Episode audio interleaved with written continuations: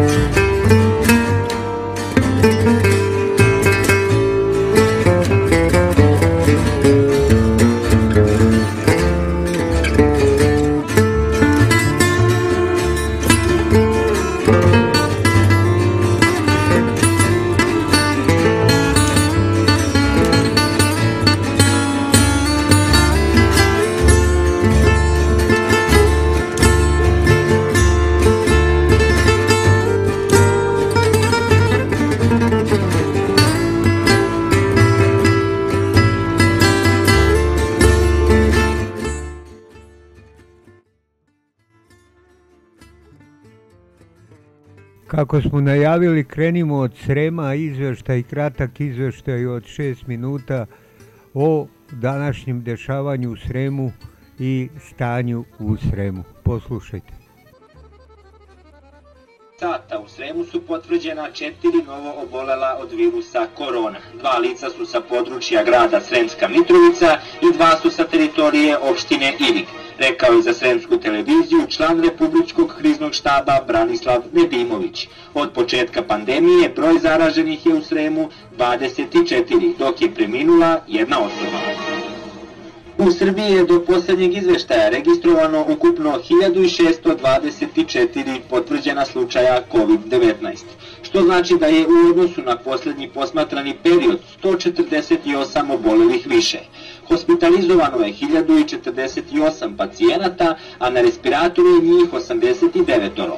Do sada je ukupno na koronu testirano 6401 osoba, a korona je do sada u Srbiji odnela 44 ljudska života. Novi podaci biće saopšteni danas u 15 sati. Pokrajinski sekretar za zdravstvo Zoran Gojković rekao je da među migrantima koji se nalaze na teritoriji Srbije nema pozitivno testiranih na virus korona svi migranti imaju ista prava i testiraju se u zavisnosti od toga da li imaju simptome ili nemaju, odnosno kakva je njihova u tom trenutku klinička slika, odnosno procena njihovog zdravstvenog stanja. E, s obzirom da je sam migrantski kamp svaki obezbeđen i veoma teško se u njega ulazi i izlazi, e, verovatnoća e, prenosa e, same infekcije u ovom e, slučaju je manja i mi za sada sve što smo testirali, a bilo je takvih e, testiranja, e, nemamo, nemamo, e, nemamo pozitivnih e, migrante koji se nalaze na teritoriji Republike Srbije. Ukoliko, ukoliko se neko od njih zarazi i bude pozitivan, naravno da će mu biti pružena sva moguća nega i pažnja. U Srbiji je na snazi zabrana kretanja, koja je počela juče u 13 sati i trajeće do ponedeljka 6. aprila do 5 sati ujutru. Na ulicama sremskih opština i grada Sremska Mitrovica primetne su patrole policije koje kontrolišu poštovanje policijskog časa. U Sremu su, kako saznajem, otkrivena četiri slučaja kršenja mere zabrane kretanja, tri u Šidu i jedan slučaj u Sremskoj Mitrovici. Protiv tih lica biće podnete prekršajne prijave, saznaje Sremska. Aktuelni poljoprivredni radovi ne smeju da trpe posledice vanrednog stanja i zato je poljoprivrednicima omogućeno kretanje uz dozvole koje mogu dobiti od Ministarstva poljoprivrede. Na sajtu ministarstva su istaknuta jasna upustva kako do dozvole za kretanje stočara i pčelara, voćara i povrtara. Poljoprivrednici dozvolu mogu da zatraže preko aplikacije, podsjeća resorni ministar. Mislim da je važno reći da Ministarstvo unutrašnjih poslova je maksimalno bilo liberalno prema poljoprivrednim proizvođačima i kogod se našao na njivi ili krenuo kući, niko nije bio sankcionisan ukoliko je bio traktor.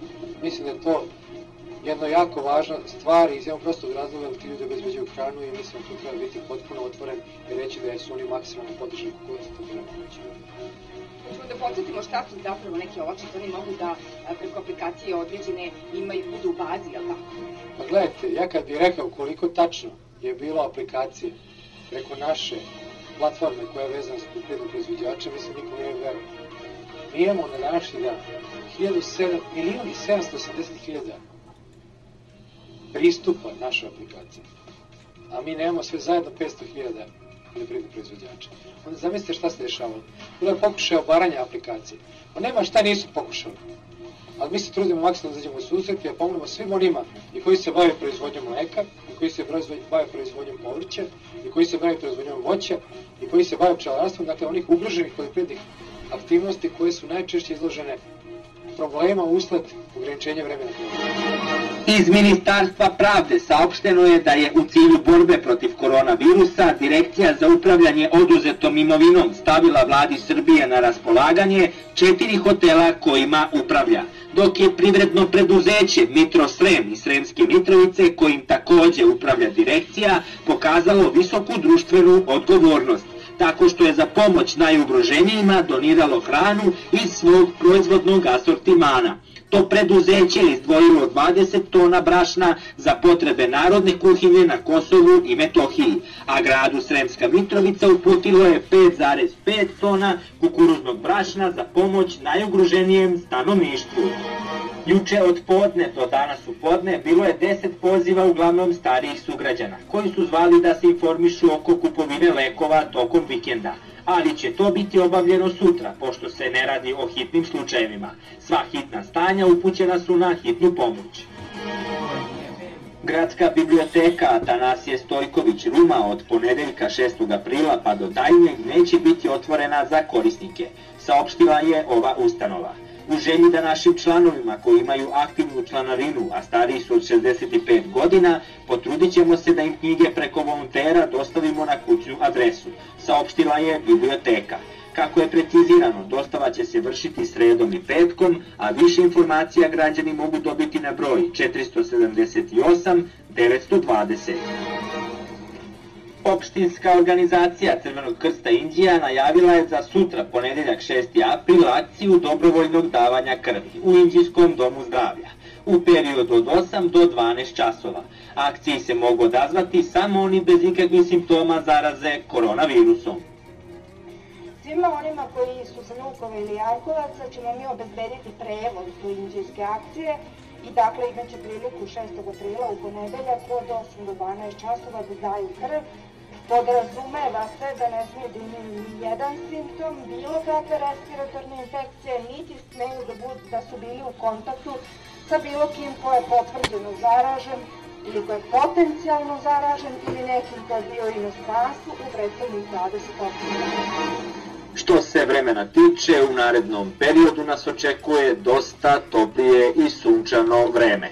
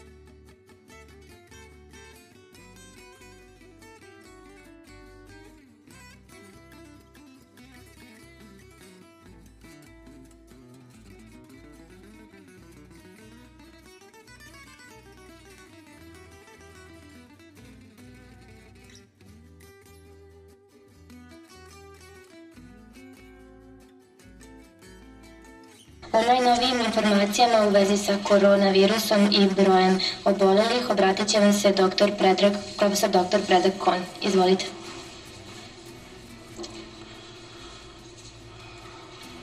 Poštovani novinari, poštovani građani Srbije, dakle na dan 5. aprila u 15 časova do 15 časova registrovano je ukupno 1908 potvrđenih slučaja COVID-12. Od poslednjeg izveštaja testirano je 284, to je 959 osoba, od kojih je 284 pozitivno, hospitalizovano je 1082 pacijenta, 88 se nalazi na sajmu, na respiratoru je ukupno 98 pacijenata. U 15 časova ukupno je testirano do 15 časova 7360 osoba. Nažalost, od prethodnog dana imamo novih 7 smrtnih slučajeva i ukupno 51. Preminulo je 5 osoba muškog pola, dve osobe ženskog, prosek njihovih godina bio je 64,2, Svi su imali komorbiditete, to jest više drugih pridruženih bolesti.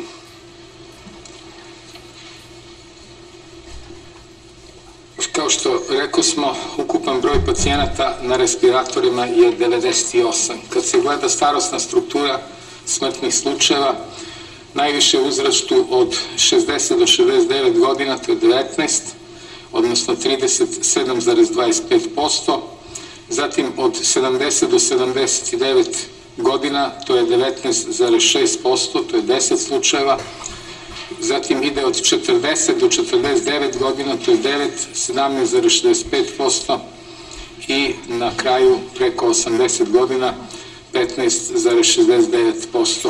Ukupan broj umrlih 51, muški pol 39, ženski 12, to je po procentima 76,47 muškog i 23,53 ženskog pola. Procenat smrtnosti u odnosu na ukupan broj zaraženih je 2,67. Ono što se može reći na osnovu ovih podataka je da se jasno vidi e, peta nedelja i nakon jučerašnjeg predaha opet imamo značajnu cifru od 284 pozitivnih i 7 umrlih, što nesumnjivo ukazuje da se nalazimo u uzletu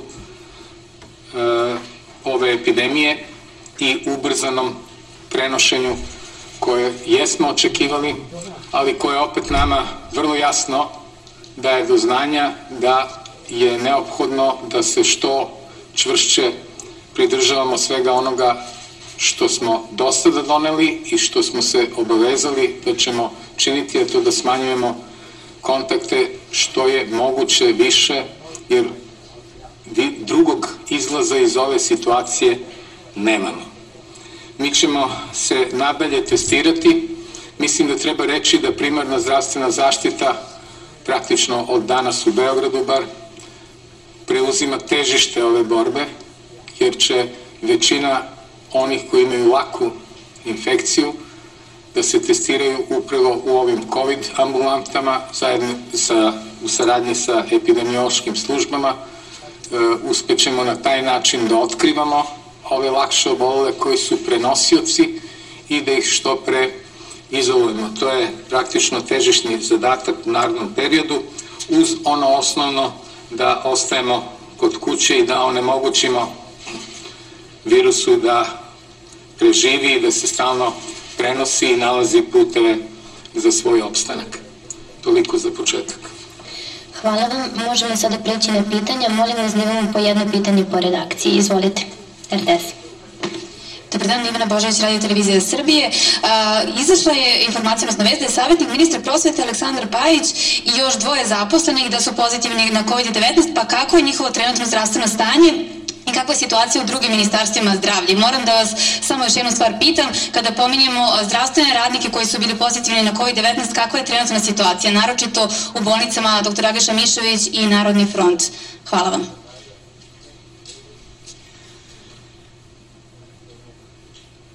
Nekako više puta smo isticali da a, ova bolest ne, ne poznaje granice. A, tako da a, obolevaju svi oni koji su bili izloženi ja ne bih navodila niti trebamo zbog zaštite prava svake ličnosti i poverljivosti podataka da iznosimo podatke za svakog pojedinca, da i u određenim ministarstvima imamo osobe koje su pozitivne na prisustvo ovoga virusa i sve osobe se nalaze u stabilnom zdravstvenom stanju. Međutim, svaki pojedinac u našoj državi koja je pozitivan na ovaj virus nam je pojednako važan i 嗯 da, da budemo svesni da u ovom momentu najveći stepen nege i najveći uh, stepen zdravstvenog nadzora koji je moguć kada je u pitanju ovo oboljenje uh, uh, oni imaju. Ja bi još nešto da, da, da podelim sa vama, jer sam to primetila i prethodnih dana je bilo veliki broj pitanja. Konkretno nas pitate za određene ustanove, za, za određena mesta o brojevima obolih, zaraženih osoba vi radite svoj posao i uh, jako ste nam bitna karika u čitavom ovom, ovom lancu, praktično ni, ne znam da, da se u medijima i priča nešto drugo osim, osim ovom virusu i to jeste dobro na taj način se uh, šire, šire informacije, ali je jako bitno da one budu validne i tačne jedino da, da, da ne ostane neka, neko zrnce sumnje iza, iza pitanja koje se postavlja za pojedinačnu ustanove da se, da se možda nešto krije pa da mi to nismo podelili sa vama. Evo ja, ja vam iskreno kažem, nekada informacije saznam u tom momentu i od vas, zato što vi radite odlično svoj posao i vi praktično u tom vremenu saznate informacije, nas je, mi smo raspoređeni na drugim poslovima, te kada, kada dođemo u bazu, kada dođemo u institut, znamo i vidimo da su, da su ti podaci dobijeni. E, ovde je jako bitno da znamo da se nijedna informacija ne krije, niti na kraju krajeva ona može da se sakrije. Znači, osoba koja je inficirana i osobe koje su zaražene, znači ne mogu da se sakriju, ni bilo ko ima bilo kakvu potrebu za tim. Tako da imate razumevanja ako u momentu kad nas pitate za određenu ustanovu ili određenu zdravstvenu organizaciju, da u tom momentu ako ne znamo tač, tačne brojeve, da, da, da znate da nije zato što, što ne vodimo računa o tome, nego što prosto želimo uh, u svakom momentu da, da pokrijemo sve uh, uh, što, što je bitno, a nama je u tom momentu bitnije da su osobe, da, ne, da im znamo tačan broj, nego sve osobe koje su sumnjive da, da, da imaju infekciju, čak i do momenta dok se ne potvrdi njihov laboratorijski njihov nalaz, da znamo da su izdvojena sa posla i da ne mogu dalje da, da prošire infekciju. A što, ja mislim da sam vam i odgovorila odgovorila na pitanje svaki građanin koji je, koji, kod kod koga je potvrđeno laboratorijski prisustvo infekcije nam je e, podjednako važan. Rečeno vam je koliki broj ljudi je na respiratoru. Verovatno ste e, i zapazili u, u brojevima da, da, da, da smo sada apsolutno spremni da e, hiljadu ljudi na dnevnom nivou testiramo. Taj broj će da bude uskoro i veći, odnosno i u ovom momentu možemo više ljudi da testiramo, da imamo kapacitete, ali ovo su u posljednje 24 sata bile indikacije. Znači sve osobe osobe koje su imale indikacije za testiranje po tom nekom proširenom konceptu za testiranje jesu testirane. Što se tiče Narodnog fronta, e, ovo što 46 onih pozitivnih, nemam podataka da je bilo kakvo pogoršanje nastalo, dakle, to je ono što mogu reći za tu situaciju. Za Dragiše Mišović e, ja nemam e, neposredno ovaj, podatke da je bilo nešto posebno. E, ono što možda treba da se doda je da na Bežanijskoj kosi je bilo na hematologiji e, šest pacijenata koji su testirani, kod, je, kod, jedne konstato, kod jednog pacijenta je konstatovano COVID pozitivni, on je potpuno ovaj, izdvojen kao sa akutnom leukemijom nastavio tamo da se leči. Troje je još imalo ovaj, kliničke znake i ovaj, na slici ovaj, rengenološkoj CT ovaj, pokazano je praktično da ima sumnje na COVID, iako su nazir nalazi bili negativni, tako da su oni potpuno odvojeni e, i izolovani u, delu endokrinologije koji inače zatvoren, tako e, pored toga upravo zbog ovakve situacije testirano je još desetak zdravstvenih, deset zdravstvenih radnika, pa je onda konstatovano kod tri medicinske sestre i kod tri lekara da je pozitivno. Ti lekari nisu svi na, jednom, na istom odelenju, tako da je to, ove, oni su opet izdvojeni, e, njihov, njihovi kontakti takođe se prate i ove, bit će još dodatno ove, eventualno testirani ukoliko pokažu bilo kakve simptome. U svakom slučaju tamo je ovaj, sproveden, da kažem, sprovedena odvajanje izolacije, to je non-covid bolnica, samo da naglasim, što jeste, što jeste značajno, jer e, u, u ovoj situaciji kada imaju negativne pacijente, a ipak se ponašaju kao da jesu COVID, oni nemaju e, adekvatnu e, zaštitnu opremu koja se planira za COVID bolnice, tako da će verovatno, tako je dogovoreno da e, traže traže dodatno ovaj, sredstva zbog ovakve neposredne situacije. To je ono što mogu I pre nego što budu još i ostale pitanja, neposredno je vezano za uh, epidemiološku situaciju u pojedinim zdravstvenim ustanovama koje su prethodnih dana uh, se ustanovilo da i jesu uh, bila žarišta širenja infekcije. U pitanju je znači, opšta bolnica Valjevo, 11 osoba, 11 zdravstvenih radnika je pozitivno na prisustvo koronavirusa i 180 osoba se nalazi u kućnoj izolaciji. One još uvijek nisu testirane zato što još to nije vremenski period kada je, kada je potrebno da se radi testiranje, znači kada istekne period kućne izolacije, ukoliko ne dobiju ni jedan simptom i znak respiratorne infekcije za vreme boravka u kućnoj izolaciji, tada će da budu testirane pre nego što se ponovo vrate na svoje radne zadatke. U ovoj bolnici ukupno zaposleno 1241 na zdravstveni radnik i vidimo da, da je u odnosu na ukupan broj zaposlenih i tekako moguće organizovati sve delatnosti u okviru zdravstvene službe u Valjevu. Kad je u pitanju Ćuprija, 40 zdravstvenih radnika je, je pozitivno, od koga je u ovom momentu znači 7 hospitalizovano, a ova Ćuprijska bolnica ukupno broji 880 zaposlenih, tako da, da i u odnosu na ove kapacitete vidimo da preraspodelom u okviru određenih odeljenja, ukoliko je to potrebno, i tu je moguće organizovati nesmetani rad službe. Izvolite sledeće pitanje. Hvala, Petar Gajić, 1 Beograd. E, pitanje je za doktorku Kisić-Tepavčević. E, vi ste sada govorili o proširenom konceptu testiranja, tako ste rekli. Međutim, pre 10 dana na ovom istom mestu govorili ste o masovnom testiranju. Zašto masovno testiranje još nije počelo, budući da je prema zvaničnim podacima Srbija do sada testirala 733 građanina na milion stanovnika. Naprimer, Slovenija je testirala 30.355. Češka republika, koja je nešto veća od Srbije, je ukupno testirala više od 70.000 ljudi.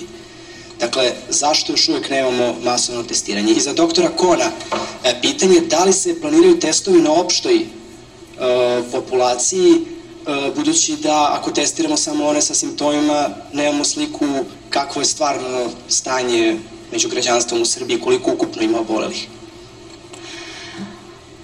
Evo sad prvo da, da te pojmove e, razjasnimo, taj, taj koncept i masovnog e, testiranja moj nije, nije bio naj, najsrećniji i stručno izražen. Ja sam ga sada nazvala e, proširene indikacije da upravo radimo ono kako smo i planirali. Po indikacijama koje jesu proširene, ali nema testiranja na lični zahtev, bez obzira koliko su, znači nema na lični zahtev samo uz lekarske indikacije indikacije striktno. Vi ste sada pročitali određeno opterećenje testiranjem u pojedinim zemljama. To isključivo zavisi od nekoliko faktora. Prvo zavisi od momenta kada je prouzrokovač ušao u populaciju, pa je potpuno logičnije gde je ušlo kasnije, da je do sada, da je ovaj prouzrokovač kasnije ušao u populaciju, da je sada manji broj ukupno testiranih. Takođe zavisi i od dostupnosti testova, ali i od indikacija. U nekim zemljama se testiranje testiranja plaćaju o, o zavisnosti od individue koje želi da se, da se testira. Znači negde i tako, tako organizovano, pa onda imamo slučajeva da se neko testira i svaki dan, znači tako kolegi kažu. Međutim, te koje ste vi pročitali pokazatelje, vidite da je ukupan broj testiranih na milion stanovnika. Ako pogledate na tom spisku vidjet ćete da ima i zemalja koje ni nema milion stanovnika, pa vam je apsolutno jasno u kakvim se aproksimacijama e, radi i, i u kakvim apsolutnim brojima. Međutim, ajde da se ne poredimo e, ni, ovaj, ni sa kim, ni sa zemljama gde su najgori scenariji, pa da onda mislimo da je kod nas dobro, zato što nemamo toliko stotina umrlih, da bude jasno svima da se upravo testiraju one osobe koje imaju indikacije za testiranje. Te, indikacije smo i tekako proširili sa ciljem da se otkriju i one osobe koje ne ispoljavaju očigledne simptome i znakove infekcije, čak ni nikakve znači, simptome i znakove infekcije, ali a, za koje se osnovano sumnja da su potencijalni rezervoari infekcije, bilo da su nalaze još u fazi inkubacije ili čak su asimptomatski nosioci. Znači, tako da, da, da to bude jasno, vidimo da na osnovu a, a, sadašnjeg broja ukupno testiranih, napominjem da je taj, da, da smo već pokazali da možemo i hiljadu ljudi da testiramo za 24 sata, u ovom momentu kapacitet nam je višestruko veći, ali indikacija nije bilo i nadamo se da nećemo ni pokazati u potpunosti koliki nam je kapacitet za testiranje, da nam neće biti ni potrebno. Možda treba dodati da, je, da su određene grupe za testiranje prema stepenu prioriteta, pa apsolutni prioritet imaju hospitalizovani, pa zatim zdravstveni radnici, pa onda oni u okviru primarne zdravstvene zaštite gde se tačno određeno e, ko treba da se testira, znači oni preko 38 stepeni ili oni koji su bili u kontaktu sa potvrđenim slučajima, e, bliski kontakt se podrazumeva svaki onaj koji je bio neposredno u kontaktu u periodu do 14 dana pre toga. Bez zaštite. Da, bez, a bez zaštite, to je, ali to je za zdravstvenog radnika, za osobe koje je borala, boravila u zatvorenom prostoru na radnom mestu domaćinstvu, takođe u periodu do 14 dana pre pojave osoba koja je bila u neposrednoj blizini, dakle sve to definisano i prosleđeno primarnoj zdravstvenoj zaštiti koja je od ju, juče je počelo, ovaj, to je danas je počelo, ali to je ovaj, još uvek to rade epidemiološke ekipe i odlaze e, po domovima zdravlja da prikupljaju te uzorke. E, nadam se da će tokom sledeće nedelje to potpuno da preuzme primarne zdravstvene zaštite i to zato sam i rekao da će oni biti osnovno težište za dalje, za dalje suzbijanje ove e, epidemije. E, imamo posebnu grupu onih koji imaju izrazite ovaj, komorbiditete i koji su zbog toga posebno osetljivi. Svaka povišena temperatura kod tih osoba takođe je indikacija za uzimanje brisa i eventualno prisutno jedan od simptoma kašlja, kašlja i kratkoća daha, oteženo disanje. Sve rizične grupe takođe se smatraju e, posebno e, značajno, ali pripadaju drugu grupu prioriteta. U trećoj grupi su tek oni koji doputuju i koji i putnici u međunarodnom e, saobraćaju. E, te grupe prioriteta upravo su napravljene zato da se postupno prilikom uvođena ovog proširenog e, testiranja ili kako smo ga u početku zvali masovnog ili u odnosu na na početak kad smo mi testirali samo, samo one koji su bili uh, u putovanju i koji su imali uh, osnovne simptome vrlo izražene, to jeste bilo masovnije. Mislim, i možda se to zbog toga tako desilo. To je ono što sam hteo da, da kažem. Šta je bilo? Bilo je pitanje za mene? Da. U opštoj populaciji test ima smisla raditi tek kad prođe sve i to, to se, to, kad kažem prođe sve, ne mislim da nego prođe, prođe ova epidemija e, i onda ćemo raditi e, u tokom leta ispitivanje prisustva antitela koje će pokazati kolika je osetljivost te populacije. Tu se uzima takozvani reprezentativni uzorak na različitim delovima teritorije Srbije i ispituje na prisustvo ili ne prisustvo antitela. Dakle, oni koji imaju antitela, oni su dobili imunitet, bez obzira da li je to bilo simptomatski ili asimptomatski i e, imat ćemo zaista stanja, nećemo e, procenjivati samo. To različite su očekivanja, imate onih koji pričaju da, da je to jako široko rasprostranjeno, imate onih koji pričaju da je to ipak e, svega 5 do 10 puta više od onoga što je otkriveno. Tako da ćemo jedino takvim testom otkriti istinu koja je verovatno negde između te dve. U svakom slučaju ta istina nam služi za budućnost. To ne rešava trenutno situaciju, ali je to isplanirano, isplanirano je i ovaj, kako će se uzimati, to su takozvani ELISA testovi, gde se ispituje prisustvo antitela u krvi i na taj način dobije nešto što se zove seroprevalencija, znači tačni procenat onih koji jesu zaštićeni.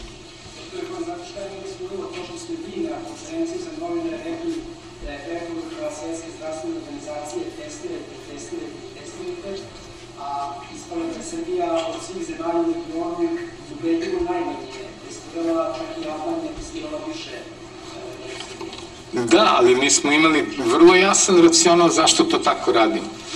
To je, i ja i dan danas mislim da je veliko pitanje šta se dobija ovaj, tim masovnim testiranjem. Tim masovnim testiranjem se dobija da se otkriju, otkrivaju novi izvori infekcije i da se stavljaju izolaciju. Tako da je, sada je pravovremeni trenutak e, u našem slučaju.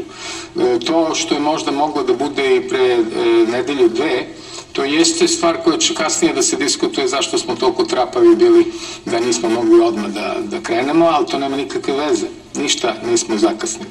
Ako krenemo sada, nismo zakasnili. Zakasnit ćemo ako, ako, ovaj, ako pustimo sada da ovo treć, ovu nedelju petu i šestu da se razvije onako do maksimuma. Dakle, sad nam je, to, to rekla profesorka Kisić svoje vremeno, testirali se, ne testirali, sve zavisi od naših kontakata. Znači, testiranje služi samo zato da znamo šta se dešava, ali opet sve zavisi isključivo od naših kontakata. Pogotovo pojedinci dobro znaju da li su bili u kontaktu ili nisu.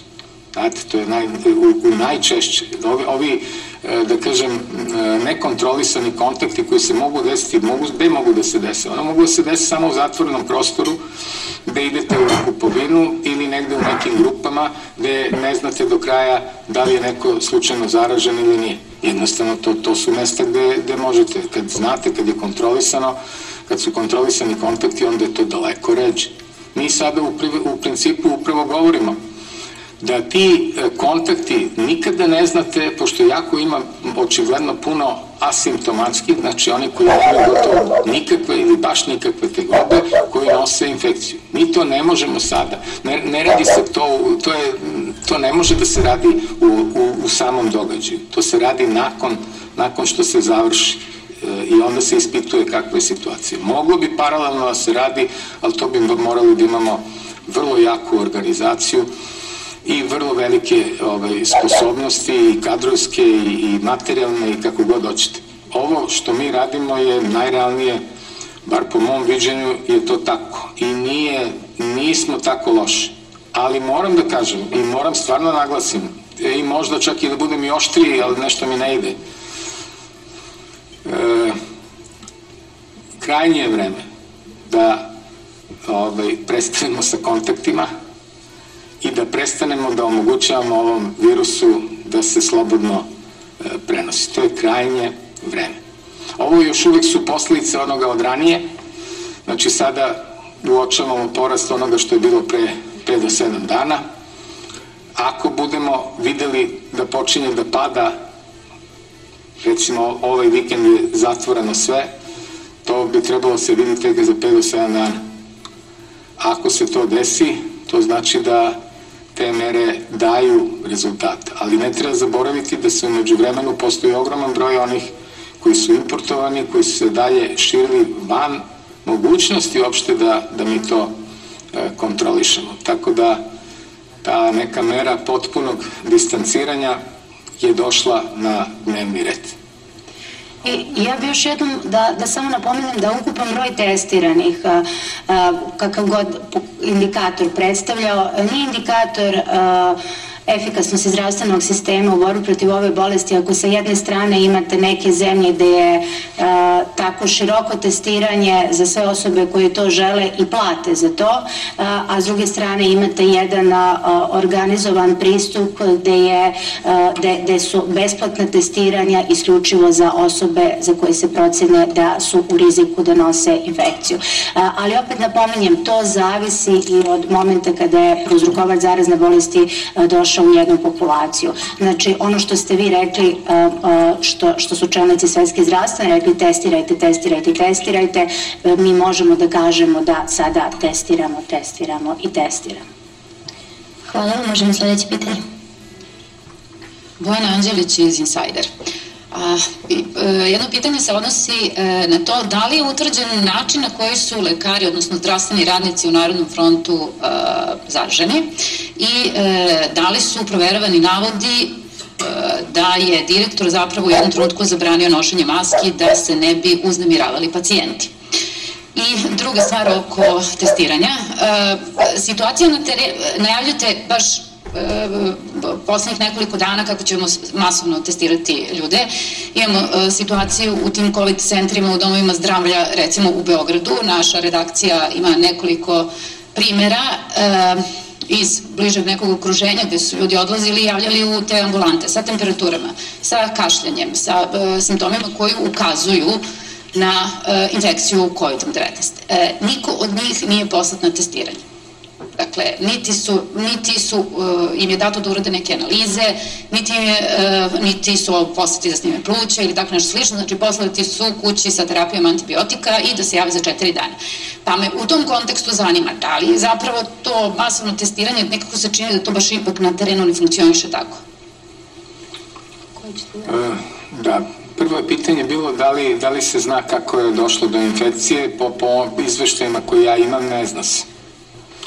To je jedna stvar. Drugo ste pitali ovaj, e, vezano za, za ponašanje direktora, e, nema, osim što sam čuo ovaj, tako nešto s vaše strane, ja nemam ovaj, takve e, informacije i verovatno će to kasnije nekad neko postaviti opet na, na dnevni red. U ovom trenutku to, time se lično nisam bavio.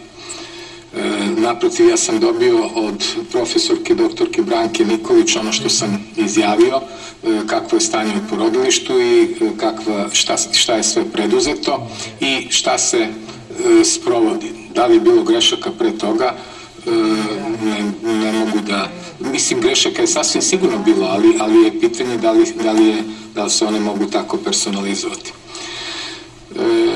Treće je bilo vezano za... aha, ovaj, da. Da, vidite, ovaj, to stanje na terenu e, će biti bolje, sve bolje i bolje mi e, kad budu shvatili da imaju te testove, jer ovo što vi kažete da vraćaju na četiri dana sa antibiotikom, Pazite, ako antibiotik pomaže, to automatski znači to nije, to je, to je takozvana antibus ovaj, odlučivanje. To znači da to nije virusna infekcija. To, to je jedna, jedna od stvari. Ja mislim, niti je moguće da mi menjamo sad kompletno znanje i lekara i, i svega i da rade drugačije nego što su radili čitav život. E, u situaciji kad procenjuju da to nije, a imaju mogućnosti laboratorijskog testiranja, znači treba da bude leukopenija, da bude manjak leukocita, da bi uopšte razmišljali o, o COVID infekciji. Ako nemaju takav nalaz, oni imaju pravo da odlučuju, imaju rengen, takođe da snime, takođe imaju pravo na osnovu toga i bez testa da odlučuju da li jeste ili nije sumnja i na to imaju pravo. Date mi, date mi algoritam kada treba da posumnjaju i e, to je situacija. Sigurno da kad budu testovi baš kod njih e, dostupni i prisutni, da će verovatno da pristupe i širem testiranju. Za sada još uvek oni moraju da zovu e, epidemiološke ekipe, da skupljaju te ljude, da se uzimaju uzorci.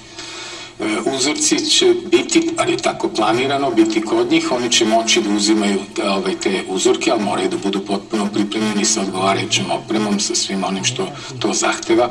I oni jesu, koliko sam ja obavešten, sve više opremljeni.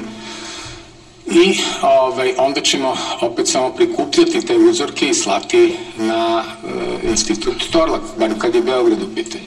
U međuvremenu morate shvatiti da su, da su vrlo zahtevni ti obrazci koji se popunjavaju i da najmanje greška može da zaustavi kasnije dobijenje rezultata. To sve oni koji nisu sa tim radili e, jednostavno morat će brzo da se adaptiraju i nauče. E, nije to neki veliki problem, ovaj, ali e, kako stvari idu polako, ne bi me čudilo ni da to imamo bar malo dan, dva problema. U svakom slučaju, opet naglašam, primarna zdravstvena zaštita dobija svoju ulogu.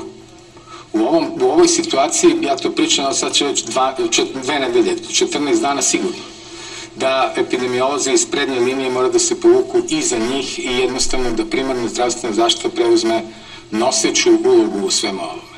A, a infektiv, infektolozi leče samo najteže. Kada govorimo ukupno o epidemiji, da bi se epidemija potpuno suzbila, najvažnije je otkriti najblaže forme i lečiti ih i izolovati. To je najteže, zato što oni najviše beže. Ne osjećaju potrebu, ne, os, ne smatraju sebe bolesnim uopšte, a ne razmišljaju o tome da su infektivni. E tu je ogromna uloga primarne zdravstvene zaštite, to je neposredno domova zdravlja i ovih COVID ambulanti, što treba da, da privuku ljude da se, da se testiraju, jer među, među i tim blagim mnogi završavaju vrlo ozbiljno. Nema više podele pacijenata na one koji su posebno osetljivi i one koji nisu. Svi su osetljivi. Nažalost, to je jedna stvar, a s druge strane, među svim uzrastima, nažalost, konstatovani su i smrtni slučaj. Mnogo manje kod mladih, ali ipak se konstatuju. Tako da, tu će nam biti ovaj, borba i prekid kontakata, što je najvažnije ali kada je u pitanju primarna zdravstvena zaštita, jako je bitno naglasiti da se još uvek nalazimo u sezoni respiratornih infekcija. E, tamo rade lekari, zdravstvenih radnici koji su navikli da u ovom periodu godine imaju preko stotinu pregleda dnevno.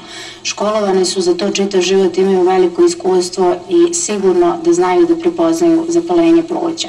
Ja sad ne znam u vašem poslu koji bi to bio pandav nečeg najosnovnijeg, e, ali e, znači to i tekako može da se prepozna. Iako je neko, znači ako jedan lekar kući poslao pacijenta nakon pregleda i laboratorijskih analiza, sigurno da, da postoji takako stručni razlog zbog čega je to tako.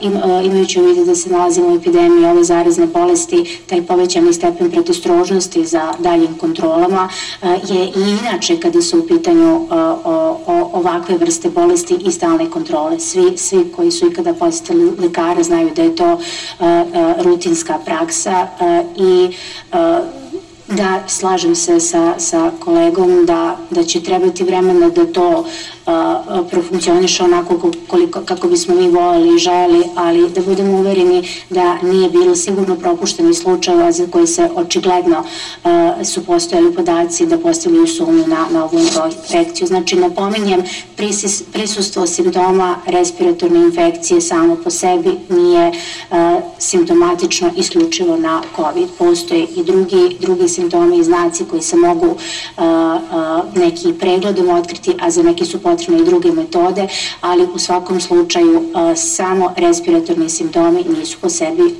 indikacije.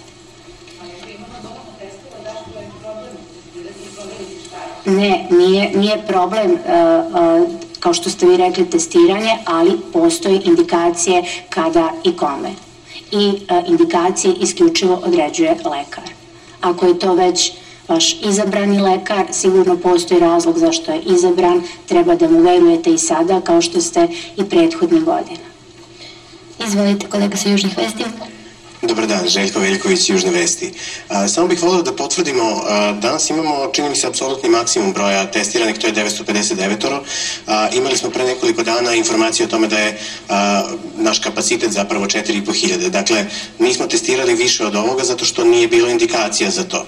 I dodatno, kada je reč o Nišu, imali smo pre nekoliko dana izjavu gradonačelnika koji je rekao da u Nišu postoji aparat koji može da obavi a, 1000 testova dnevno A, imate li bilo kakve informacije o tome šta se u Nišu događa i dodatno a, kada je reč o kliničkom centru Niš, posebno o urgentnom centru kliničkog centra Niš, a, mi tamo nismo uspeli da dobijemo informacije o broju a, inficiranih zdravstvenih radnika, kažu da a, bi to bilo kršenje privatnosti pacijenata iako niko nije tražio a, imena i prezimena, prosto ako imamo a, brojeve za Narodni front, za Dragišu Mišovića, za Ćupriju, a, imamo li danas bilo kakve informacije o Nišu? Hvala vam mnogo.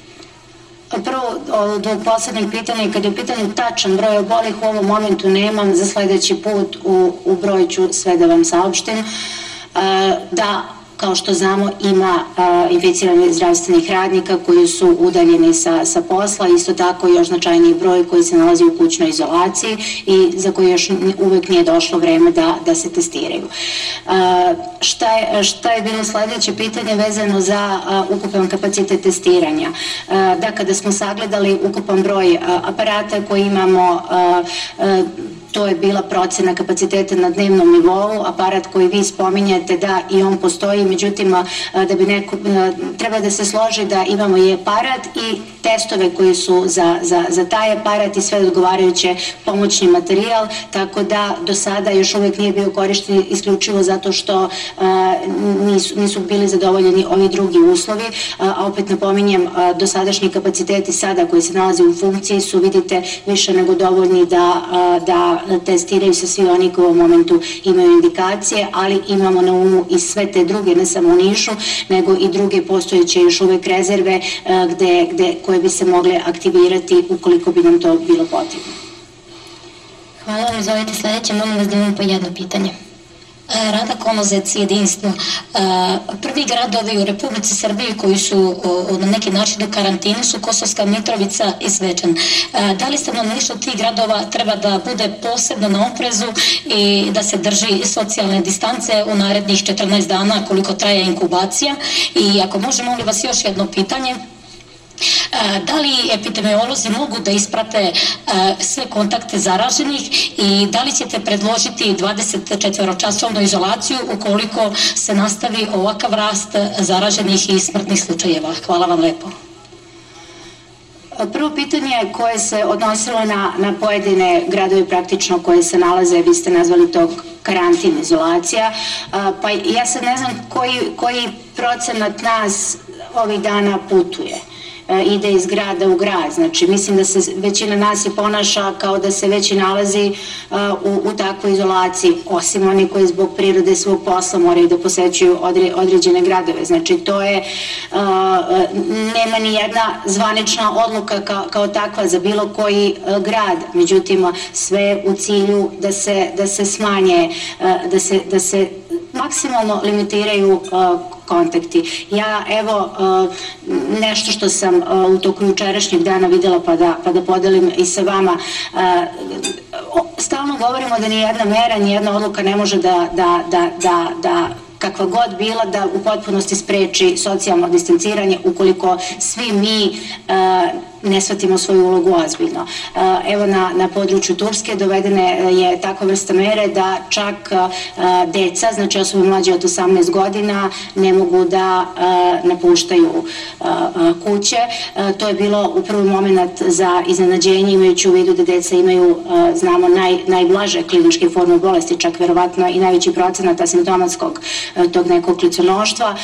Međutim, to su shvatili da je najbolji način da i roditelje zadrže drže u kući ukoliko su im deca u kući. Znači to su sve različite mere koje se u različitim zemljama a, a, donose, ali opet sve, sve imaju isti cilj. Što se tiče a, istraživanja kontakata, to će kolega moći sada bolje da odgovori, ali tu vam je verovatno se sam po sebi odgovor nameće kako raste broj obolih tokom nedelja. Ja lično doživljam da, evo, sad imamo 24 časovnu ovaj, e, prekid e, kretanja i komunikacije. E, nažalost, mi to ne možemo da vidimo odmah sledeći dan, nego tek za nekih 5 do 7 dana da li to daje efekt ili ne. S druge strane, to je kratak period, da kažem, da bi, da bi se moglo zaista nešto videti. Previše ozbiljna ta mera potpunog e, prekida ovaj, kretanja da bi tek tako lako moglo da se donese. Teoretski ona je najpouzdanija e, za prekid lanca transmisije i prekid prenošenja. Međutim, e, da bi se da bi došao vrlo jasan predlog od struke, prvo svi članovi ovoga dela stručnog tima treba oko toga da se usaglase, to je jedna stvar. S druge strane, dakle, radi se o vrlo ozbiljnoj odluci, s druge strane treba da budemo ovaj, potpuno sigurni da će ta odluka, e, kao što sam ja lično, na primjer, prilično uveren, ne mogu kažem 100% siguran, ali do, dovoljno uveren, da, da će takva mera dovesti do naglog prekida e, transmisije i da će imati pozitivne rezultate i na kraju krajeva proceniti kolika će šteta biti od svega toga. Znači, to, to, su, to su više stvari koje treba uzeti u obzir. Daleko bi bolje bilo da se svi ponašamo kao da je već 24 časovni prekid ovaj, kretanja i da jednostavno se tako ponaša. To, je, to podrazumeva da se samo na kratko izlazi do, do prodavnice, eventualno ako se mora, i ništa drugo. Na posao od posla i nema nikakvog kretanja mimo tog. U tom slučaju možda i ne bi morala da se dovodi ovakva mera. I to jeste suština. Još, još nešto, znate, pojavljuju se, posebno kroz društvene mreže se pojavljuju ovaj, vrlo jasni, nas, jasne naznake protiv bilo kakvih uh, mera.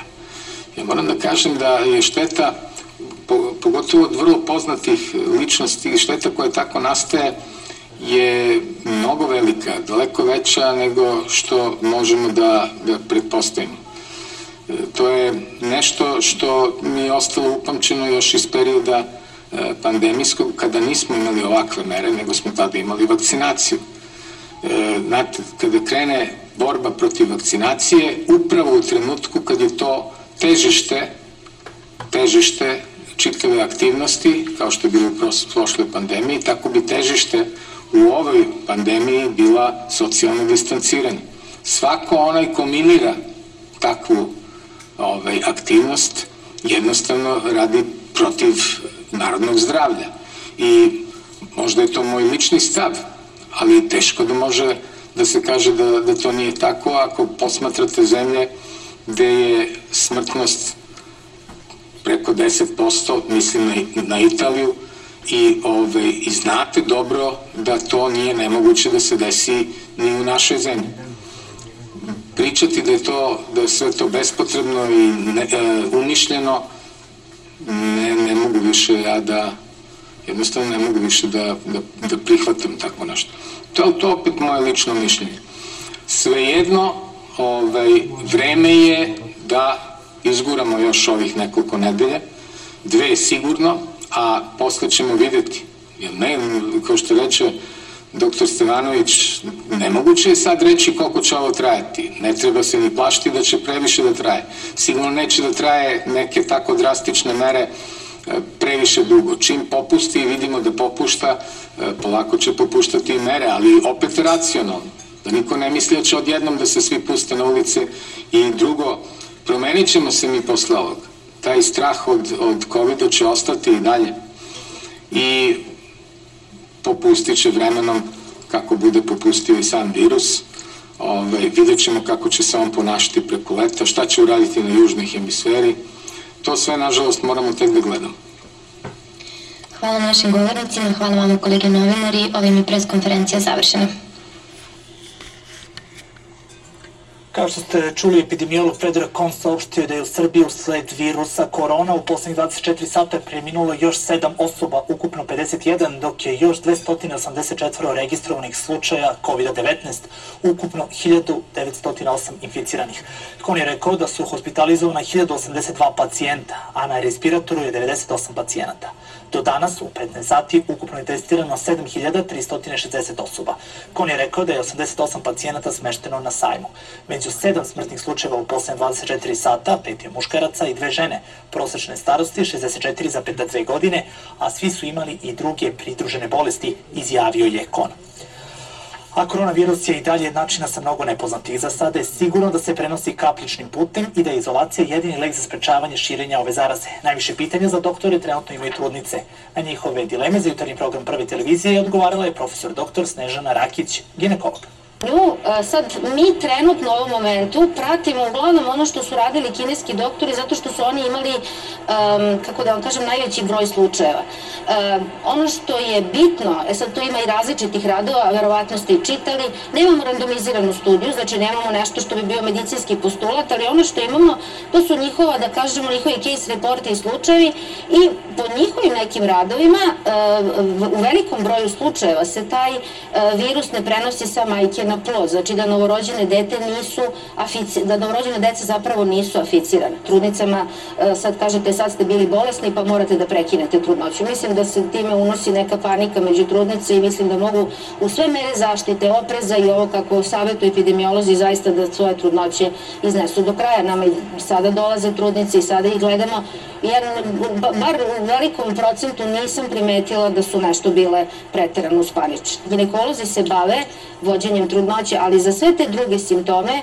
mora, se obrat, mora da, da se uključi nadležni specijalista i to je ono što je zapravo jedan timski rad koji mora da se odradi kada su takvi slučajevi u pitanju. Ono što ja moram da vam kažem da mi, evo koliko god sad čitamo, koliko ovo nama potpuno jedan novis, što bi rekli amerikanci subject, jednostavno ovaj, nismo našli, bar ja nisam našla takve, da kažemo, izražene forme. Čak u nekim studijama e, e, se tvrdi da trudnice su i manje aficirane nego što su ovaj, nego što je obična populacija. E sad, kad prođe vreme, kad prođe cela ova naša muka, e, sigurno ćemo tada po broju slučajeva i analizom podataka koji se uzimaju znati verovatno nešto više o svemu tome. Mislim da žena može da ostane trudna i neko će i ostati trudan i planirano i neplanirano i stava sam da takve trudnoće ne treba, ovaj, ne treba prekidati. Znate, mi dođemo uh, u, um, tokom trudnoće, žene dođu sa raznoraznim, kako da vam kažem, agensima u kontakt apsolutno dođu um, sa svim i svačim, sa virusima, bakterijama, sa zračenjem, pa i o tome mnogo ne znamo, pa bi onda mogli da kažemo nemojte sada, znate, sa svih strane, sa zagađenošću vazduha,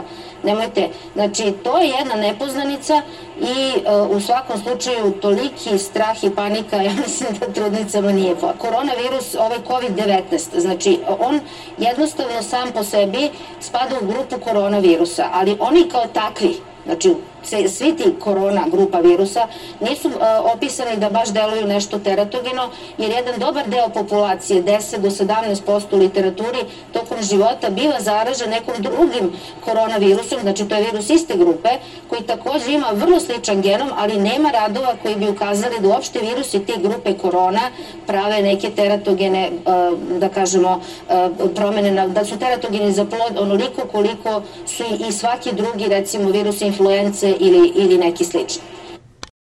Želeo sam da ovde dođete da vidite koliko toga stiže dnevno i koliko toga odlazi na dnevnom nivou. Dakle, potrebe za naše zdravstvene ustanove, samo računajte da je dnevno 90.000 hiruških maski. Neću da vam pričam koliko treba još epidemioloških maski, koliko skafandera. Neće ni na sajam da uđe lekari bez skafandera, dakle, to je i tu se s pravom, mada su u početku ljudi radili sa drugom vrstom zaštitne opreme i trudimo se da nabavimo sve što možemo u teškim, gotovo nemogućim uslovima u svetu, gde Tajland nešto otima Nemačkoj, vraća u Ameriku ili kako god već, nešto što je već kupljeno, gde neki drugi urade, gde bukvalno opšta jagma, opšta borba na tržištu, gde više ne postoji tržište, gde I kada dobijete informaciju da vam je nešto u avionu, možete da prebrojite tek kada on sleti avion. I da budete sigurni šta vam je to stiglo ili nije. U svakom slučaju, za sada smo se dobro po tom pitanju borili i nastavit ćemo da se borimo. Još hoću u zahvalnost svim lekarima da se zahvalim i ljudima u, vojsci i policiji koji se mnogo bore, muče, rade, trude se da zaštite svakog čovjeka i posebno nam je vojska prva brigada pre svega koja je takozvana vojvođanska brigada težak udarac primjela prijemom ljudi na Batrovcima i Horgošu i stavljanjem u karantin ljudi koji su dolazili iz inostranstva i veliki broj ljudi je neki u karantinu, neki u bolnicama. Želim im dobro zdravlje i da se oporave što pre. Da toga nije bilo i da njihovog urednog rada nije bilo, mi bismo već sada u više stotina brojali mrtve u našoj zemlji. Tako da, hvala im na požrtvovanosti i hvala im na posvećenosti na tome što nisu žalili sebe. Iako su oni imali maske, iako su oni imali, preduzimali mere socijalne distance i sve drugo, onda vam je jasno sa čim su se suočavali na tim prelazima. Izvolite ako imate neko pitanje.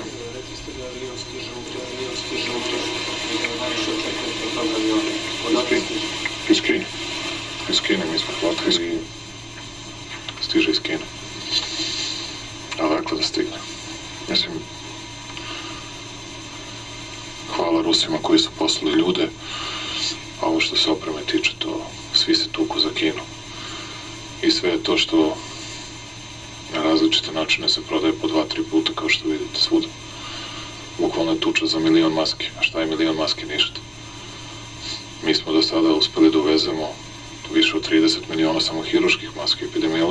maski više od 15 miliona. Možete mislite za velike zemlje, možete da mislite za velike zemlje kako to izgleda. Francuska naručuje milijardu maski. Gde će da ih uzme? Gde da ih nabaviš? Kako? Oko respiratora sve velike zemlje sa fantastičnim sistemima, zdravstvenim, sa ekonomijom neuporedivo snažnijom nego naša, ne mogu da izađu na kraj. Dišu im po dve osobe i jedva čekaju da nekog isključe da bi nekog drugog mogli da prikopčaju. Od najmoćnijeg Njujorka do Milana, Madrida, da ne kažem da takve probleme sasvim sigurno imaju i u Velikoj Britaniji i u nekim drugim zemljama.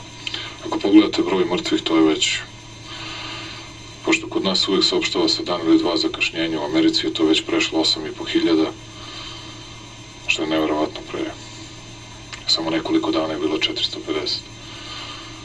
8.500 u Francuskoj, 7.500 u Nemačkoj, 1.500 u Holandiji, preko 1.700 u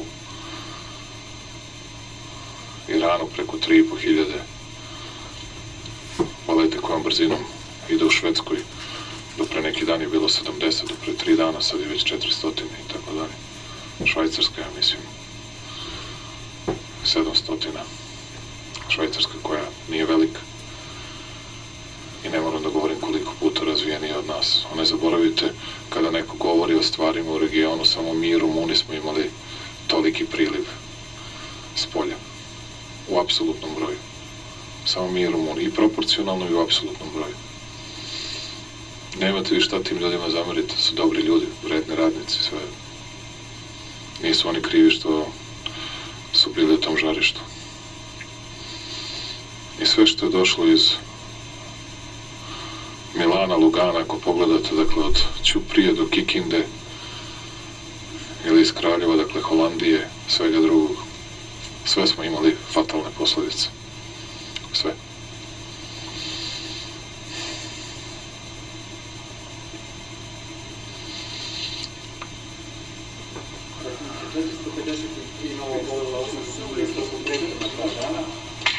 Najavili ste taj Jel možemo da očekujemo ove da će sve proći do kraja maja, da 1. juna nećemo imati problem sa ljudima? Ja ne mogu da vam kažem do kada će proći i kako će proći. Ja samo mislim da predstoje veoma teški dani i da mnogi ljudi nisu svesni.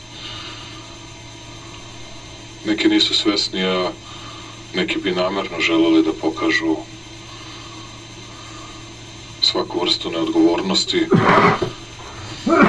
zarad nekakve političke koristi, ali rekao sam o tome ću da govorim kada se kada se sve ovo završi. Samo, samo, samo sekund, samo sekund, dobro. O tome šta je protivustavno ili nije, time će se bavi Ustavni sud, a moje je bilo i mnogi drugih u našoj zemlji koji su odgovorni. Naš posao je bio da se bavimo zaštitom života ljudi. I nemojte da sumnjate da smo spasali, a to će vam reći lekari. Neću da kažem na hiljade, ali zahvaljujući merama na stotine ljudi. A pre bi bilo da kažemo i nešto više od toga, ali sve jedno. Ma boja ne bre da me... Ja vas mnogo volim i poštujem, a me pustite bre da završim ljudi. Ajde mi sad ponovite pitanje. Dakle, imali smo razne stvari tokom prethodnog perioda da je uvođenje vanrednog stanja protivustavno. Sa druge strane, nekako svi ti ljudi koji su to govore, to pričamo o liderima Saveza za Srbiju, njihovi smo na jednim onim stanjim intervjuima, negde govore da poštuju te mere, znači pozivaju ljude izađete ili kršite mere. Da li sve te, imamo Sergeja Trifunovića koji sad kaže da će želja za slobodnom, kada sve ovo prođe biti veća, da li sve to što oni pozivaju na kršenje uh, mera koje predviđa vanredno stanje, negde govori vama da oni žele samo na taj način da vas sluši? To je moje pitanje, ako možete da mi kažete pre lekara, loše izgledate, pa tako mogu da primetim, da li je to bila tako loša noć? Kako? Da li nam je bila, kako se ja osjećam i da loše izgledam, hvala vam, ne bi valjda bilo normalno da izgledam dobro i da se osjećam dobro. Valjda ne bi bilo normalno za predsjednika zemlje koji se nalazi u ovako teškoj situaciji. A, što se tiče noći koja je bila iza nas, ja vam neću saopštavati zvanične podatke, to će lekari da urade u tri, ali svakako je bila teška noć iza vas. Teška, bit će mnogo težih. Teška, a bit će mnogo težih. Što se tiče tih protivustavnih stvari i ko je šta govorio, samo da se ovo završi. Samo da se ovo završi, onda ćete da vidite kolika je želja naroda za slobodom. I narod će pokazati kada dođe vreme na jedinom mestu na kojem se to pokazuje. I vidjet ćete kako narod ume da ceni slobodu i kako ume da ceni život, kako ume da ceni borbu za svoju zemlju. Jer znate, takve komentare, a nikome ni ime neću da izgovorim, jer sam to obećao ljudima. Takve komentare ne čujete danas u zemljama koje imaju po 15, 13, 10, 9 i 8 hiljada mrtvih. To nigde ne čujete. To čujete samo ovde.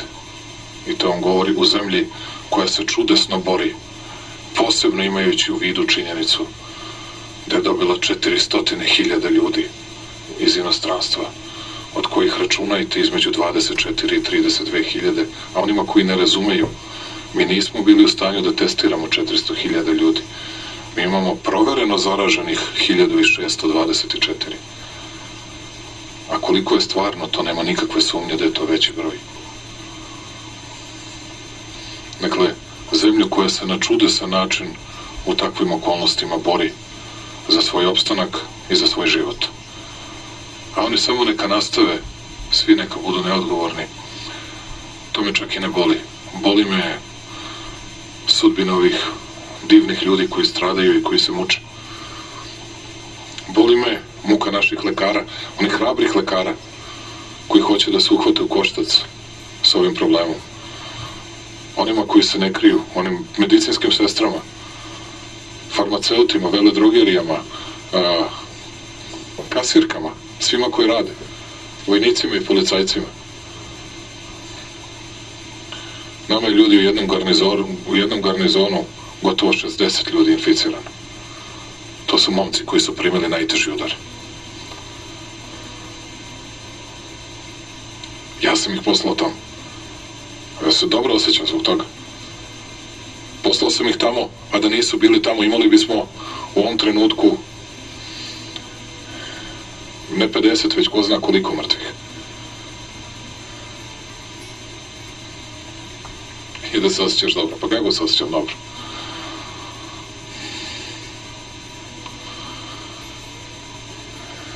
A za ovaj vas molim, peti put vas molim, šesti put neću da vas molim, samo ću da preskočim odgovor na pitanje, nemojte da me pitate ništa. Samo nek oni svoj posao rade. I nikad ne pocenjujte pamet i oči naroda.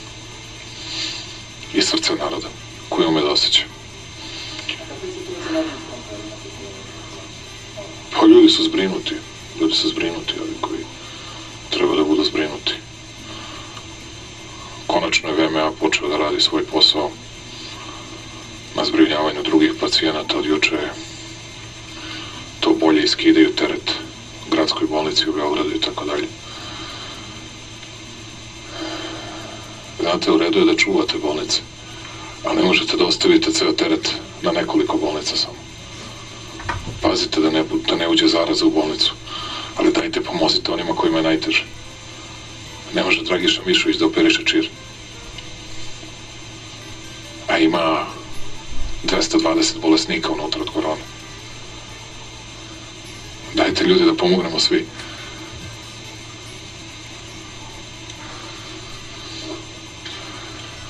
Dajte da pomognemo ljudima koje ne možete da zaustavite. Ja moram da priznam da samo jednu stvar ne razumem. Sad ću da analiziram sve kome je privredna komora tražila da se daju dozvole. Pa daju biznismenima od 70-75 godina. Pa mi ne damo direktorima javnih preduzeća koji imaju 65 godina da izađu iz kuće. Oni dali samo zato što kod nas je to shvaćeno pa meni ljudi kažu iz medija je što Suzana mi nije dala te i te dozvole ili preko ne znam koga. A što da ti da? A što da ti da? Čuva tebe, čuva tvoju porodicu čuva sve time što ti ne da. A što da vam da milion dozvola? Da se švrčkate po gradu i da ubijete još petoro starih ljudi. I da svoju porodicu uništite. A što da vam da? A šta ti radiš majstore koji si pet puta ranjen? Zato što imaš policijsku pratnju, biznismenu veliki. Šta radiš u kafani sa 30 ljudi? Šta god da te zakači mrtav si istog sekunda? A šta radiš? Kakav primer pokazuješ? Zašto to radiš? A zašto ti od 70 godina to radiš? Zašto to ljudi radite? Eto, ja sam mangup, dobio sam dozvolu preko ne znam koga, pa sad mogu da se šetam u vreme policijskog časa. A sad ćemo da revidiramo sve te dozvole i da ih smanjimo na duplo. E što ne možete, zašto je kod nas samo kako ću da prevarim državu. Ne kako ću da se, ne mora London da uvede policijski čas, vidjet ćete ljudi manje nego kod nas kad je vreme policijskog sata. U Berlinu isto. Zašto kod nas kad nije policijski sat, vidi, napravi roštilj na Fruškoj gori, zapali pola šume, a to kog sam zarazio, pa nije ni važno. Iz kože da iskočite. I onda ljudi kažu, ti si diktator. Izvem vam tu vašu diktaturu. Koje se mučiš i patiš za svakim čovekom, a svaki od tih samo gleda kako će nešto da ti prebaci i da ti kaže kako si kriv. Imate li još neko pitanje? Nema. Hvala, srećan rad vam želim svima i da kažem za građane Srbije, za one koji poštuju mere, rezultati poštovanja mera će se videti i želim da ih obodrim samo time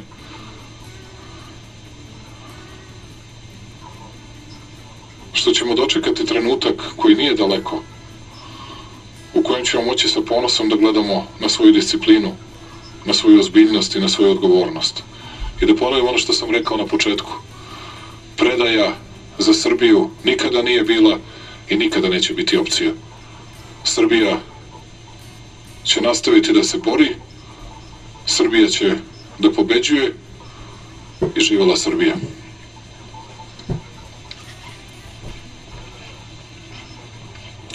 Poštovani gledalci, čuli ste obraćanje predsjednika Aleksandra Vučića koji je posjetio magazin Milšpeda u Krnješevcima u kome se nalaze velike količine medicinske opreme. Nastavljamo da ste građani se pridržavaju propisanih mera. U našoj zemlji do sada bitku sa COVID-19 izgubilo je 44 ljudi. U posljednje 24 časa registrovano je 148 novo obolelih, a broj zaraženih porastao je na ukupno 1624. Ja sam srećan što ih imam. Ti ljudi su pokazali neku vrstu odgovornosti posle toga. I to je dobro, to mogu samo da pozdravim. Mnogo takvih slučajeva imamo širom Srbije. Ja samo molim ljude da se tako ponašaju, jer ovo neće do veka da traje. A onda ćete da vidite, ja mislim da mere koje smo mi predvideli, da je to paket mera. Obično ljudi govore da žele da govore u hiperbolama, preuveličavanju svega, ali zaista mislim da malo koja zemlja ima tako sveobuhvatan, ozbiljan, sektorski orijentisan program mera kakav smo napravili mi i što mi se čini da će dati rezultate, da će Srbija brže izaći iz te krize, a i sa lakšim i manjim posledicama nego neki koji su mnogo veći.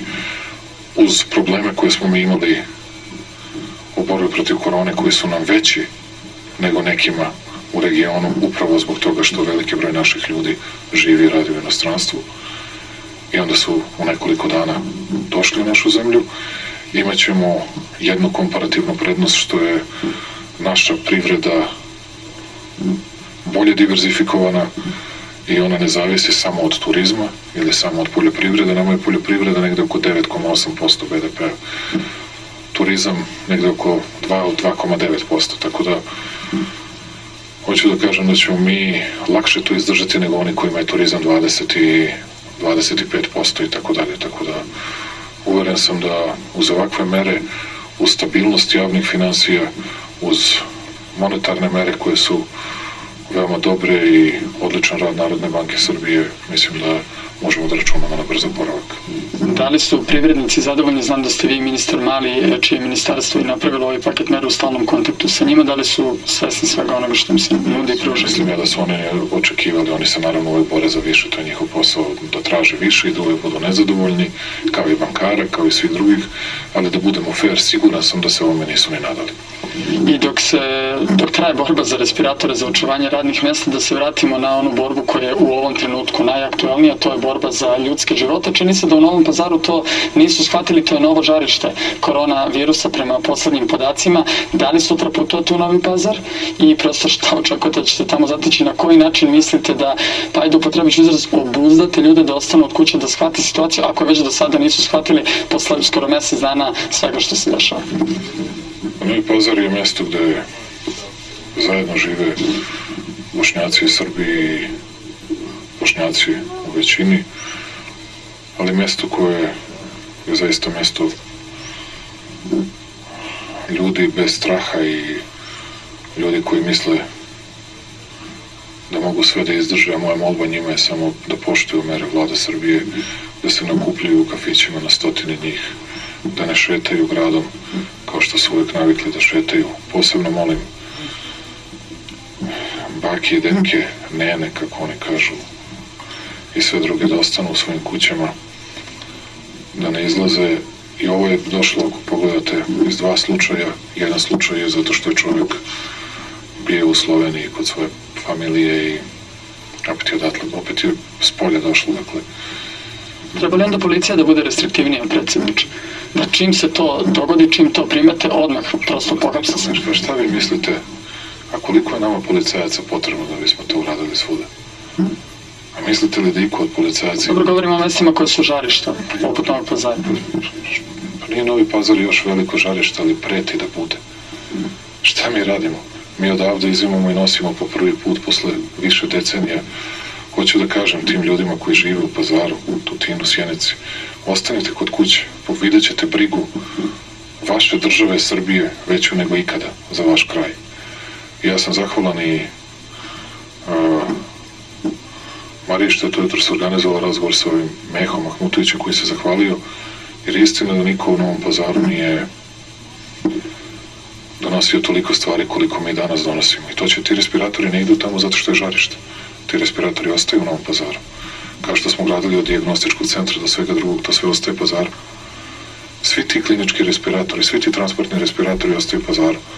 To znači da u buduće mogu da prime najteže pulmološke bolesnike, onkološke bolesnike, sve druge, da mogu i u posebnim ambulantnim kolima da ih prebace sutradan i u Kraljevo i u Kragujevac i na svako drugo mesto. Pokušavamo oni zaštitnu opremu dobiju iz Kragujevca. Juče sam razgovarao sa Milesavljevićem i sa Zdanovićem iz Kragujevca, njima ćemo dodatno povećati koliko imaju, mali broj imaju priključaka i mogućnosti za razvedene gasove, dakle da pokušamo da ojačamo Kragujevac kao centar još.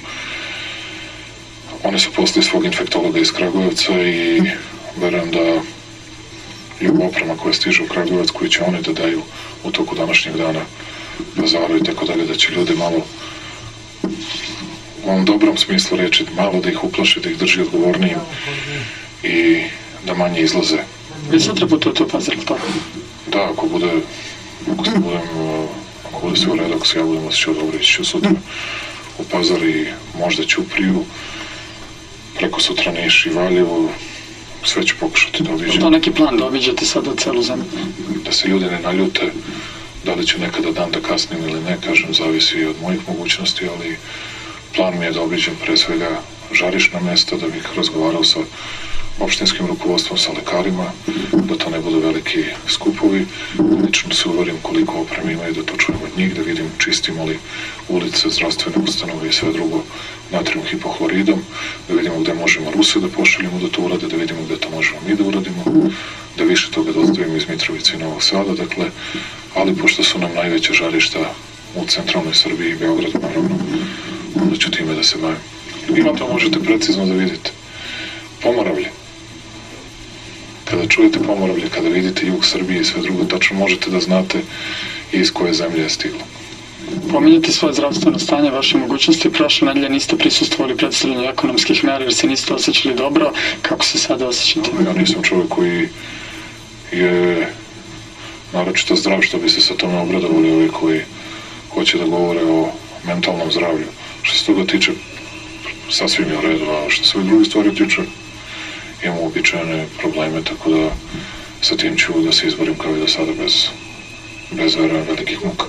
Tako da, ali ne želim da na bilo koji način a, ugrozim nekog drugog, tako da trudim se da koliko moguće se ponašam odgovorno, ali da se ne sakrijem u mišju rupu i da ljudi vide da sam sa svojim narodom ne samo kada otvaramo fabrike, ne samo kada otvaramo autoputeve i kada mogu da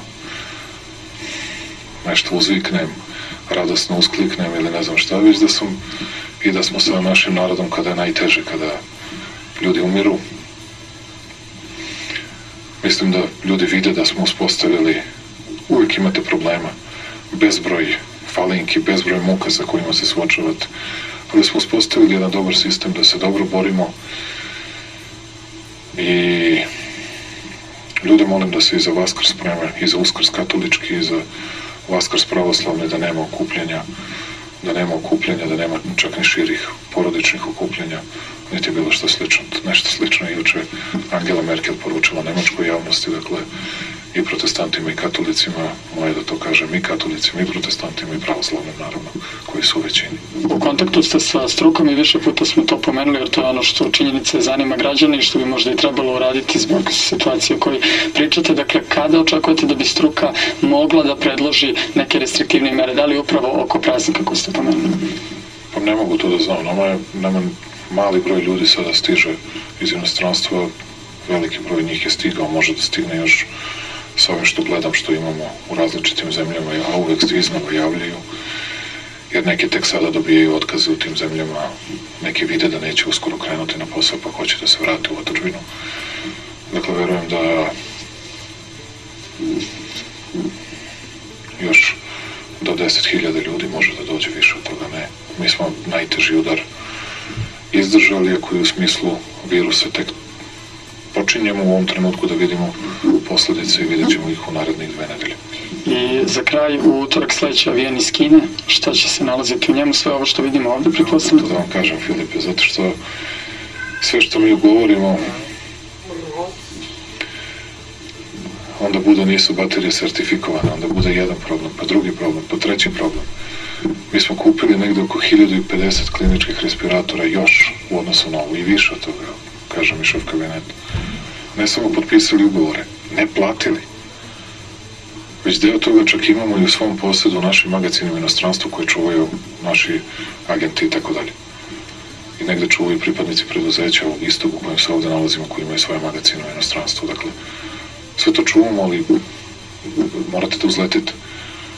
Moraju vlasti domicilne zemlje da vam kažu kontrola kvaliteta ovo dozvoljava, ovo ne dozvoljava, a ovo može, ovo ne može. To su takve muke da nikom, da, da, da to Tantalu ne bih poželao da se takvim poslom bavi. Ali to je ništa u odnosu na to kroz kakve muke prolaze ljudi koji su teško bolesni i porodice onih koji su umrli od ove teške bolesti. Ljudi neka, moja poruka ljudima, nemojte da brinete za respiratore. Šta god da bude, koliko god teško da bude, a već su nam bolnice pune, je zato što nam samo teški slučajevi dolaze. Zato što ljudi neće kad imaju zarazu da dođu da time zaštite i sebe i sve druge. Samo su nam teški slučajevi i god, ja ne mogu da vam kažem koliki nam broj ljudi završi na respiratorima.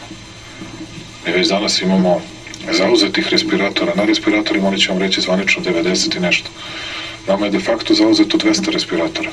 Zato što lekari koriste te respiratore dodatno za pomoć i onima koji nisu intubirani, ja sad ne znam kako oni to koriste, ali to mi je juče Vlada Đukić objašnjavao sa Dragiša Mišovića, nisam lekar da vam to objasnim, ali hoću vam kažem da nam je već 200 kliničkih respiratora zauzeto. Da mi imamo druge bolesnike, pulmološke, onkološke bolesnike, da je njih oko 550, srčane bolesnike, dakle, da je njih 550 već na respiratorima u Srbiji. Samo da to ljudi imaju vidu. I neće biti problema sa respiratorima. Sa onim što život znači. Uspeli smo to da uradimo. I ponosan sam na Srbiju koja je to uspela da uradi u ovom vremenu. I to će ostati Srbiji za neko naredno vreme. Ali da sad kažem da to jednostavno nije. Moram samo da vas pitam još nešto da dam predlog, ne znam da li ste videli a, tu vest. Italija je svim svojim medicinarima i policajcima koji se sada bore, država Italija, uplatila u nekoliko italijanskih mesta letovanje tokom leta po sedam dana. Možemo li da očekujemo, imamo li novca da Srbija napravi bar nešto slično? Mi smo napravili nešto bolje. 10% smo uvećali plate zdravstvenim radnicima, što bih se ja mešao u to da oni idu u Pečiće na more ili da idu u Grčku na more, neki idu oni gde hoće, kad hoće. A ja, ja im kažem, nemojte ni da idete na more, idite na naše jezera i planine. I manje ćete imati mogućnosti da se zarazite i manje ćete novca da potrošite jer smo jeftiniji, a nećete uslugu imati lošiju i bolje ćete pravo da imate. Što to da radimo? Pa znate o čemu se radi tamo? Pogledajte koliko ljudi bez posla. U Americi stopa nezaposlenosti skočila na 6,6%. Pa uskoro će Srbija da ima manju stopu nezaposlenosti nego prosek Evropske unije. Verovali ili ne. Sa svim našim problemima sa kojima se suočavamo. Mislim da nisam pogrešno rekao Siniša Ivici. Ne. Pogledajte samo, gledajte kako se, kako se otpušta sve živo svuda. Srbija se drži. Srbija se drži i nešto jače nego što sam očekivao. Iako sam naravno zabrinut, jer svaki dinar merimo. Svaki dinar merimo. 31. mart je bio dobar dan za nas. Mi smo smanjili naše očekivanja tog dana za, za 13,5 milijardi na 9,4 milijarde računajući sve, a dobili smo 10,5 milijardi, bili smo srećni kao mala deca. Bili smo srećni kao mala deca, mi možemo svoje obaveze da ispunjavamo. Možemo, to kad kažete 10,5 milijardi, to je 100 miliona da ljudi znaju, 100 miliona evra. A, mi smo do sada samo sve ovo što vidite ovde i sve što smo podelili, potrošili smo 370 miliona evra. To nema u budžetu, to nema nigde. To morate da pronađete, a nemamo još stvoreni bilansni prostor. Kako pronađete? Pa imamo razne sektorske rezerve i dobro stojimo, fiskalno, monetarno. Dobro, imamo, što se toga tiče novca imamo. Ljudi ne moraju da brinu, dakle, nemojte brinete za to, ljudi brinite za svoje zdravlje. Molim vas, brinite za svoje zdravlje posebno to molim naše starije ljude, dakle, ove mlađe molim da izlaze manje i mlađe molim da se na vreme javljaju lekarima. A stariji da ne izlaze nikako. Stariji gledam kako se to dešava, kao da nemaju šansu. Kao da nemaju nikakvu šansu. Dođu sa čistom kliničkom slikom. Srce vam se cepa kad to vidite. Čisto. Deka, bodar, čio. Mozak mu radi 300 na sat fantastično izgleda. Energije ima više nego svi mlađi koji su na infektivnoj. Nemate ništa, na plućima ne vidite ništa. za dva dana nema pluća. Nema pluća, samo nestanu. Čudna neka bolest. Jesu li sledeće dve nedelje ključne i završavamo definitivno? Jesu. Sledeće, ja bih rekao tri nedelje, ali sledeće dve nedelje odredit će našu sudbinu, u to nema nikakve sumnje. Hoću se zahvalim vama, hoću se zahvalim svim odgovornim ljudima i hoću da još jedan put kažem ono što sam rekao na početku. Predaja za Srbiju nikada nije i neće biti opcija i borit ćemo se i pobedit ćemo. Veliko hvala predsjedniče. Zapravo televiziju govorio Aleksandar Vučić. Dakle, sledeće dve, tri nedelje su ključne. Ostanite kod kuće. Marija.